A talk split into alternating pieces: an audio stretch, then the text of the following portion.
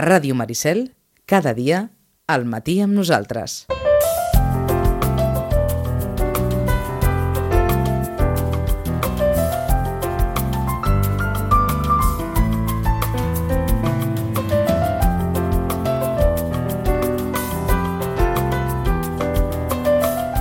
Doncs amb en Roman Pérez des del Centre de Reeducació de Vit, al carrer Pau Barrabeig número 16. Uh, Roman, bon dia de nou. Bon dia de nou. Uh, ens hem menjat un quart d'horeta, però aquest quart d'horeta el recuperarem per la cua. Eh? I així doncs, podrem com a mínim acomiadar, perquè avui és el, el darrer espai, el darrer temps de, de família d'aquesta temporada, Uh -huh.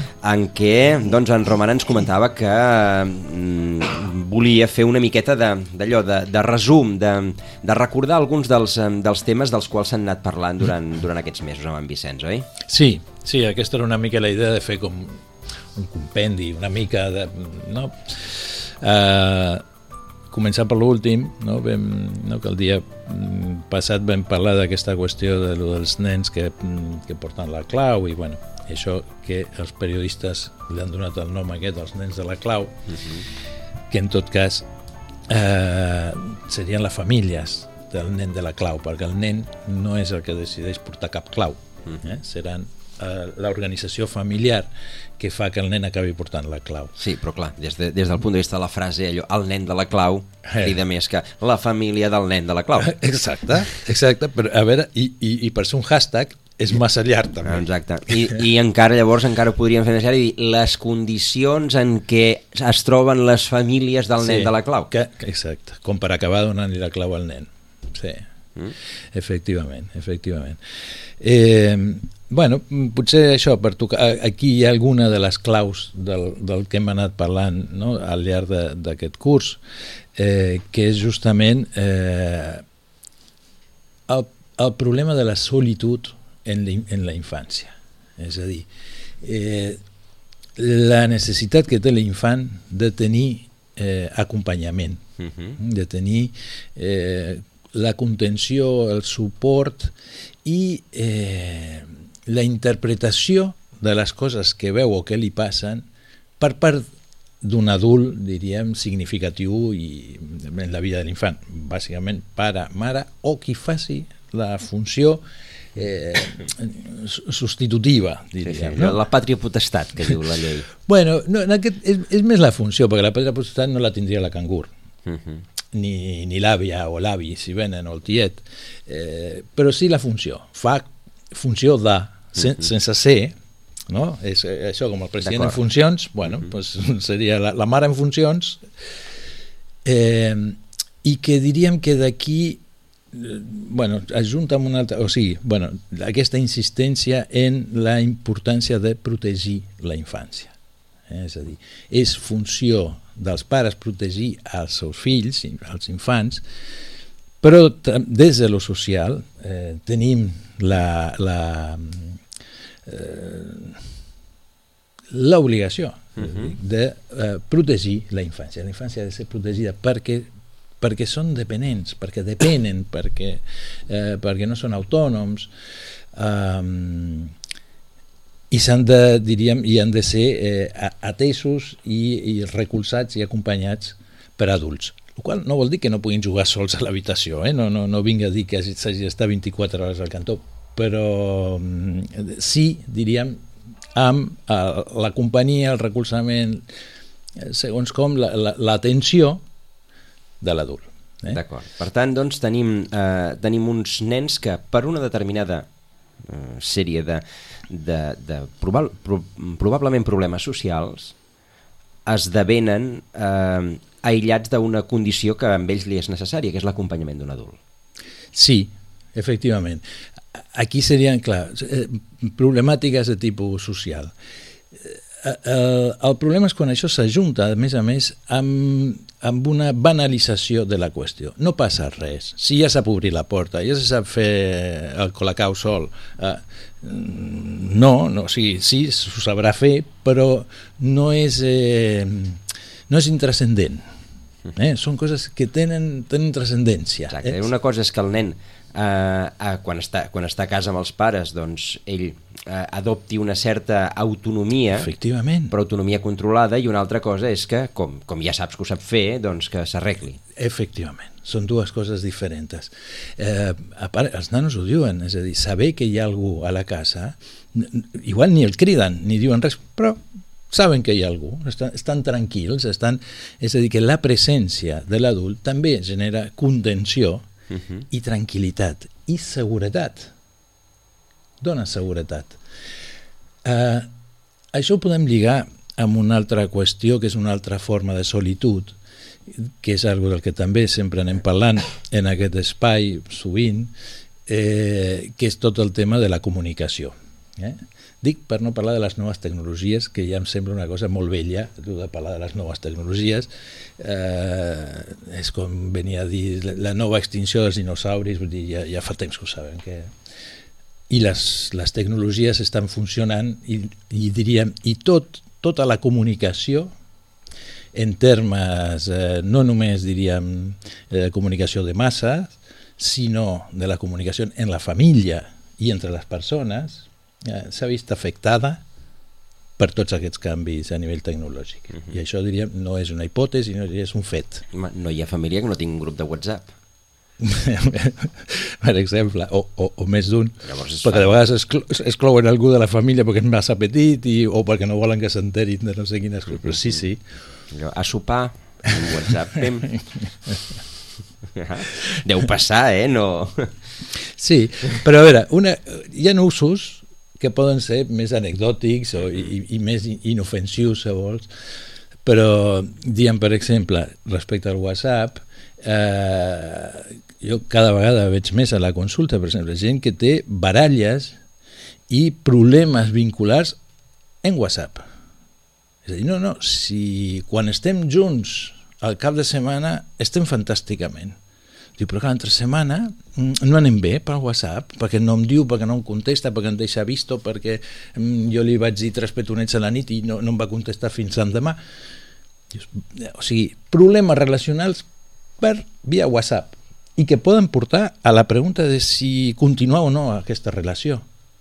No si continuem utilitzant WhatsApp o no, per exemple, que seria una cosa més lògica. No, la pregunta és si continua la relació o no. Quan en lo personal funciona. WhatsApp ha introduït un nou canal de comunicació els canals de comunicació tradicionals, que són, a part, de, a part del personal o l'epistolar, que gairebé ningú fa servir, doncs el telèfon, però clar, aquí hi ha una altra mm, comunicació molt més ràpida, molt més, eh, molt més instantània, però que també genera, o pot generar, determinats problemes a partir de, de comportaments que llavors ens poden suggerir coses que tampoc són realitat, com també pot passar en el telèfon. No tant amb el telèfon. No tant amb el telèfon, perquè el telèfon... No, és que no me l'agafes mai. sí, sí. Ah. Bueno, a veure, sí, hi ha coses que so, poden ser, diríem, eh, eh, que es repeteixin o que passin igualment en diferents formes Correcte. de comunicació. O sigui, si escrius una carta i no te la contesten, també diràs, no, no contestes les cartes. Els correus electrònics, que hi ha molta gent que no les contesta. Efectivament, però el que passa és que és la, la forma de la... De, és a dir, implica una, una, una resposta immediata per part de l'altre. Uh -huh. O no, que això també, és a dir, és no vindré a sopar. Ja està. Ni per què, ni com, ni, ni com és això, ni et pregunta, ni... Ja està. És una comunicació que va d'aquí cap allà. És un comunicat. No? Bueno, eh, també l'expectativa és que quan s'envia l'altre ho rebi instantàniament i si ha de respondre que també respongui instantàniament clar, per què aquesta... i això va introduint com la possibilitat i de vegades la necessitat de tenir l'altre permanentment allà mm? disponible, a disposició com si no, les coses no poguessin esperar com si la persona no es pogués aguantar aguantar, eh, no sé, a la nit a dir-ho, o al migdia, o a l'endemà, no sé. A fer-ho personalment, i no via WhatsApp. Bueno, Aquest és un pro... eh, pregunto, eh, Roman, Sí. aquest és un problema que va més de pares cap a fills que no pas de fills cap a pares? És a dir, és més el, el pare o la mare que mm, necessiten una resposta immediata del fill que no pas el fill que necessita una resposta immediata del pare o la mare? Eh, jo, mira, jo no sé, el, de, el WhatsApp entre pares i fills és relatiu, és a dir, normalment els fills no tenen molta intenció d'anar dient coses als pares per via WhatsApp, a menys que no sigui dir que no venen a dinar o que volen no sé què, o, i sobretot, òbviament, estem parlant ja d'adolescents, pràcticament, Correcte, sí, sí. diríem, no, no, no de Mhm. nens. Uh, i eh, diríem els pares aspiren a fer un cert control parental via, via WhatsApp que, que costa que costa perquè clar o s'han quedat sense bateria, s'han deixat el mòbil quan no els interessa ser trobats òbviament, si els interessa ser trobats no et preocupis que tenen bateria, mòbil i en un minut et contesten no? Uh, però vinc a dir de, de, de com això mm, afecta la comunicació Eh? Eh, en aquesta cosa, per exemple, de la immediatesa, de voler no, tenir que la presència de l'altre estigui com sempre disponible, eh, bueno, i el qual també fa que el tipus de comunicació sigui bastant superflua.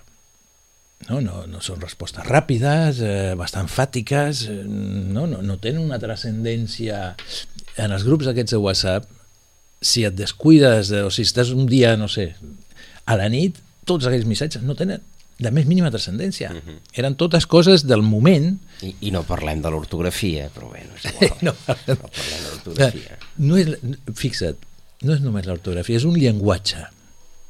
És llenguatge. Uh -huh. És un altre llenguatge. Perquè, que inclou l'ortografia, però inclou també la manera d'ajuntar les, les frases, eh, el vocabulari, eh, el tipus de comunicació la forma de comunicació. Mm. Bueno, aleshores, també en aquí, a aquest nivell, hi ha una certa solitud en la infància.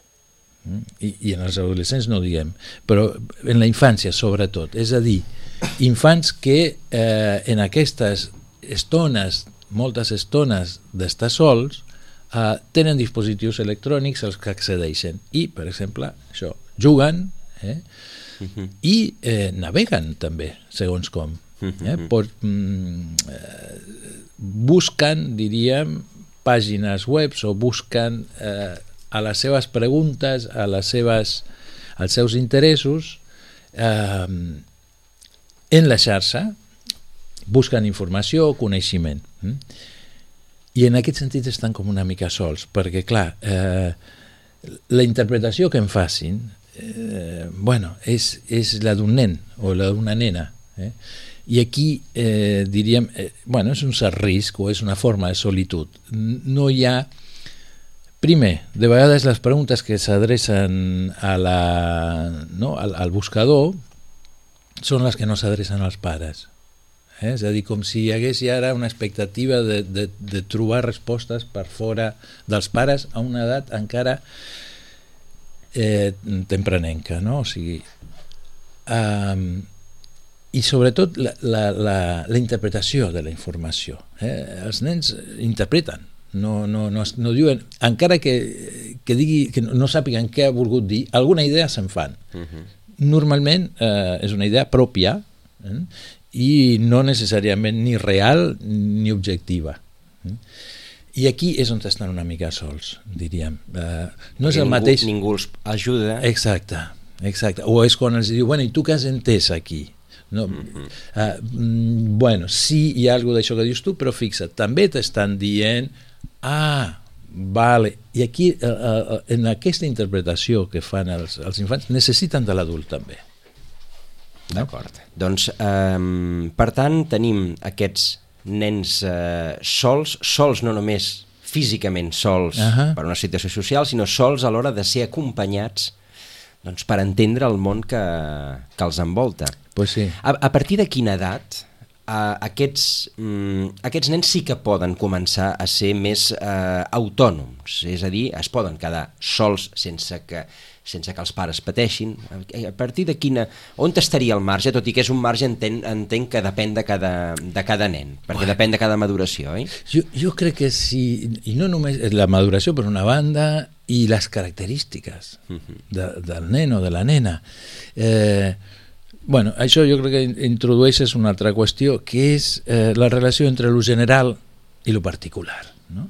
i ara estem en una tendència a que les coses es resolguin per la via de lo general. Mm? La pauta. La pauta. universal i per tots els casos. Els 12, els 14, els 16. Exactament, exactament. No? I tu dius, en alguns casos, fer esperar fins als 12 és una tonteria. Mm? I en uns altres, fer-ho als 12 és una, és una aventura, és, és una intrepidez que no, que no convé. És a dir, respondre a aquestes preguntes moltes vegades passa per justament una cosa tan important com és la coneixença de, de, de cada un dels pares de cada un dels seus fills eh? de les seves característiques, de com funciona. Eh, de vegades hi ha nens que cal impulsar-los perquè agafin autonomia. Eh? Hi ha uns altres, més aviat cal retenir-los perquè ja l'agafarien tota. Són processos, són processos. És a dir, que no, no, no, no queden cifrats únicament per l'edat. L'edat és un factor, uh -huh. però n'hi ha d'altres. Per exemple, totes les adquisicions prèvies que donarien garanties a aquesta autonomia.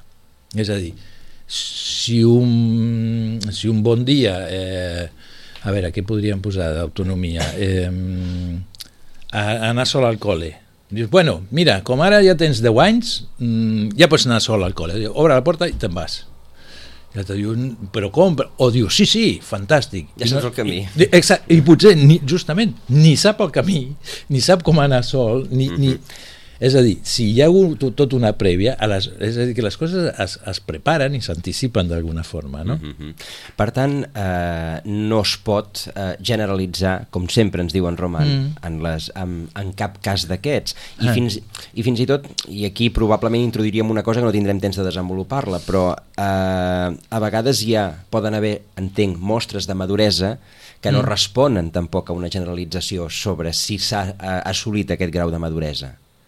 És a dir, podem, eh, podem percebre que, que un infant, que un preadolescent, doncs, mm. eh, ostres, ja està preparat per, per enfrontar-se en determinades coses a partir d'exemples de, concrets que després resulta que no són tan clars. Bueno, a veure, eh, pues això també és important. No? És a dir, si els pares han cregut que sí Eh, doncs, clar, no s'ha de començar per la part màxima, sinó per les mínimes, no? Una primera provatura que uh mhm. -huh. confirmi o no aquesta confiança dels pares. Eh?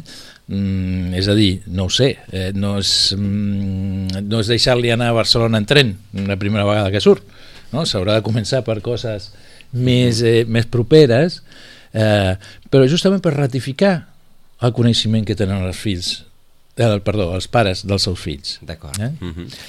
Doncs eh, fem una cosa, fem un ràpid eh, eh, tancament perquè al final fem un, tornem a canviar el menú. Bueno, eh? bueno, bueno. Um, aleshores, eh, si et sembla, mm, deures per aquest estiu, ens en poses? Deures per l'estiu? Sí. Home, l'estiu eh, és, és un bon moment també per aprofitar passar estones amb, no? entre pares i fills, entre uh -huh. fills i pares no? de, de gaudir. Per tant, el millor, el millor deure és la relació.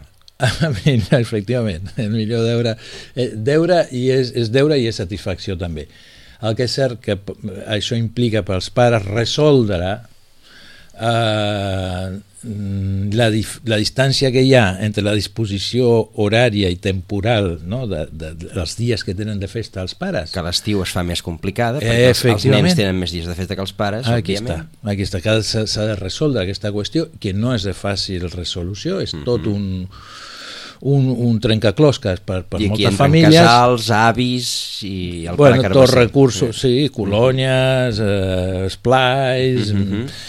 Eh, però en tot cas això, quan més lúdics i més, diríem, de, de, de satisfactoris, esportius, eh, millor, que no tant, diríem, fer eh, més, més aprenentatge arreglats, no? que és un moment d'esbarjo també pels, pels infants. Doncs el resum final, parleu, parleu, parleu, no, no seu pesats, però parleu. Bueno, comuniqueu-vos, sí. Eh?